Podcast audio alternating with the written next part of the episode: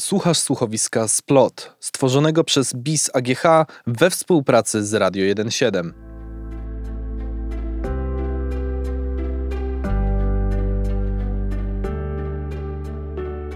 I wyobraź sobie, że ona wtedy zaczęła mnie wyzywać od pomyleńców. No niemożliwa baba. Ja, pomylony, skandal. Jestem najbardziej trzeźwo myślącym chłopem po tej stronie Wisły.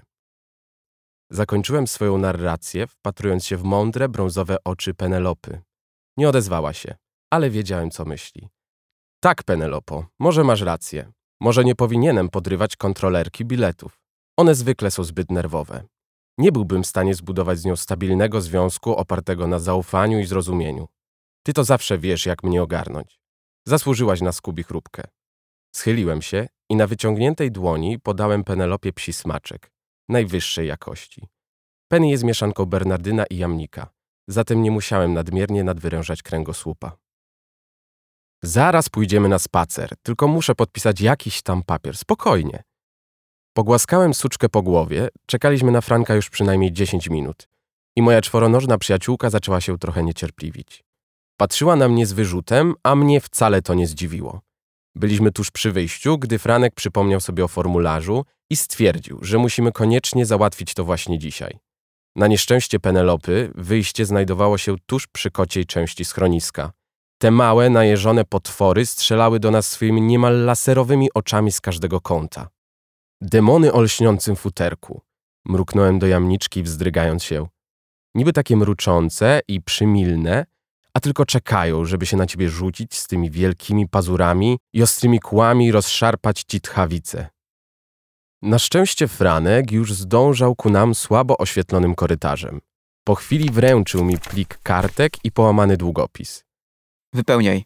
Nie masz za dużo czasu. Ze smyczą owiniętą wokół nadgarstka zacząłem mechanicznie zapisywać kolejne pola koślawymi literami. Musiałem zmyślić numer dowodu, bo zgubiłem go już dawno temu.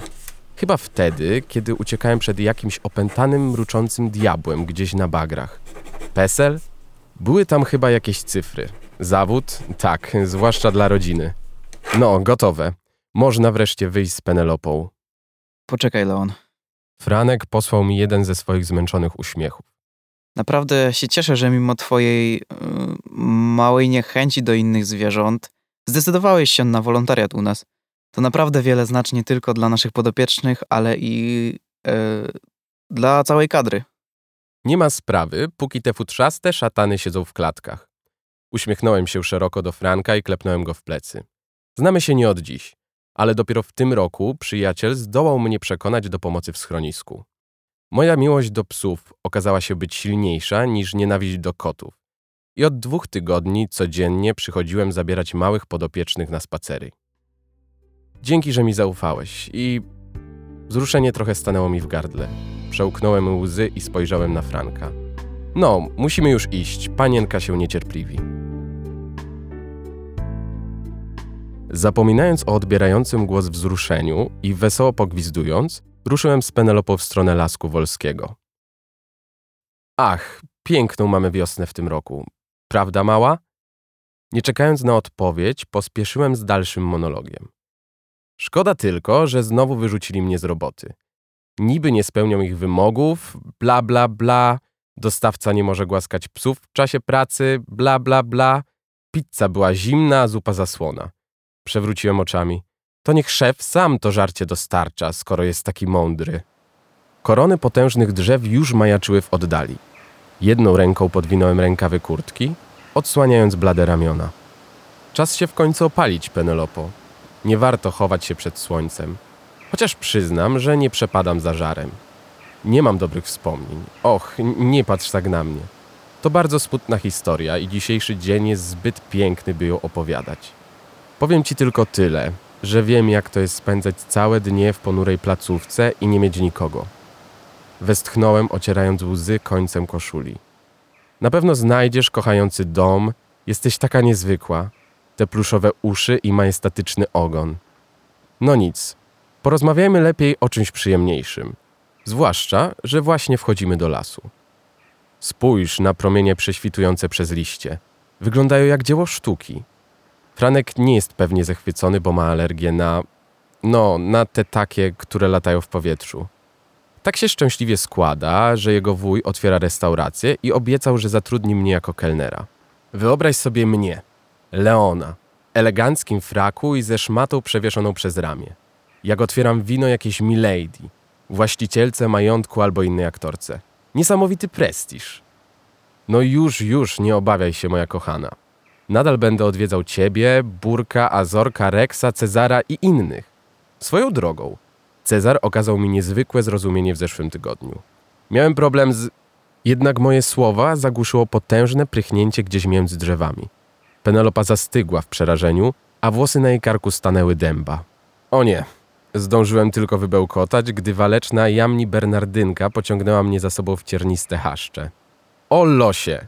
Jestem dobrym człowiekiem, nikomu nie wadzę, nikogo nie biję, nie chcę się z nikim kłócić. Chociaż nie zawsze wychodzi. Nigdy nikogo nie zabiłem, nikogo nie uderzyłem, ani nawet nikogo nie pchnąłem. A ty tak właśnie mi się odpłacasz. Kotem przebiegłym, wyliniałym stworzeniem, zapewne reprezentantem Lucyfera na ziemi. Moja biedna Penny, zawsze grzeczna, teraz nie reagowała nawet na moje wołanie. Z zaciśniętymi powiekami biegłem, gdy suczka wlokła mnie ze sobą, przecinając kosodrzewinę. Kilka metrów przede mną miauczał i pryczał ten przesiąknięty nienawiścią kot, a po drugiej stronie smyczy walecznie szczekała suczka. Modliłem się w duchu, by żaden korzeń nie podciął mi nogi, albo żeby jakiś zabłąkany myśliwy nie pomylił mnie przypadkiem z sarną. Wydawało mi się, że ta szaleńcza gonitwa trwa już godziny. Zaczynało brakować mi tchu i nadal bałem się otwarcia oczu. Penelopo! Próbowałem znowu zawołać. Z gardła wydobył mi się tylko niewyraźny skrzek, który okazał się jednak być wybawieniem. Częstotliwość połechtała uszy suczki i ta zatrzymała się, a ja nareszcie mogłem rozejrzeć się dookoła. Kot musiał w tym czasie umknąć w krzaki, bo nie widziałem go ani nie słyszałem. Wielkie nieba, co to było?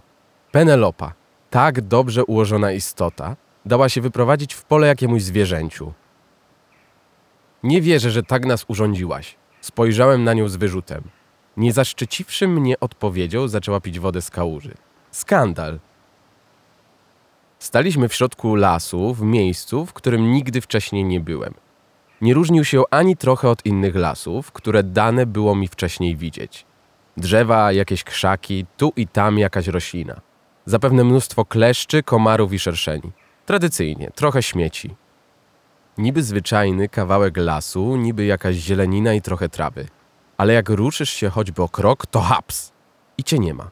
Nie zdziwiłbym się, gdyby pojawienie się tamtego śmierdzącego sierściucha nie było przypadkowe. Gdzieś tu może czaić się rzeźnik, który rozkroi nas na organy dla bogatych członków mafii. Obudzimy się przemarznięci w wannie z lodem. Albo co gorsza, w jakimś zachodnim domu dla... no nieważne. Dotknąłem czubkiem buta kawałka bębna od pralki, który musiał być tam wyrzucony przez zapewne miłośnika natury. Zauważyłem, że do podeszwy przykleił mi się drobny papierek. Dziwna sprawa, Penelopo. Nie wiem, z czego to może być ścinek. Wygląda jak jakiś piktogram. No popatrz. Przesunąłem stopę do jej pyszczka. Taki dziwny zawijas, kropki i coś pomiędzy, co wygląda jak pijawki. Wytarłem buta o trawę, żeby pozbyć się celofanu. No dobrze, moja droga. Nie będziemy się tym teraz zajmować. To pewnie dziecko wyrzuciło swój koślawy rysuneczek. Spróbujmy znaleźć drogę powrotną, bo wyglądasz na wykończoną. Wskazałem ruchem głowy kierunek, z którego przybiegliśmy. Jednak gdy tylko Penelopa odwróciła głowę, ciągnięty jakąś dziwną fascynacją, podniosłem z ziemi papierek i schowałem go do kieszeni.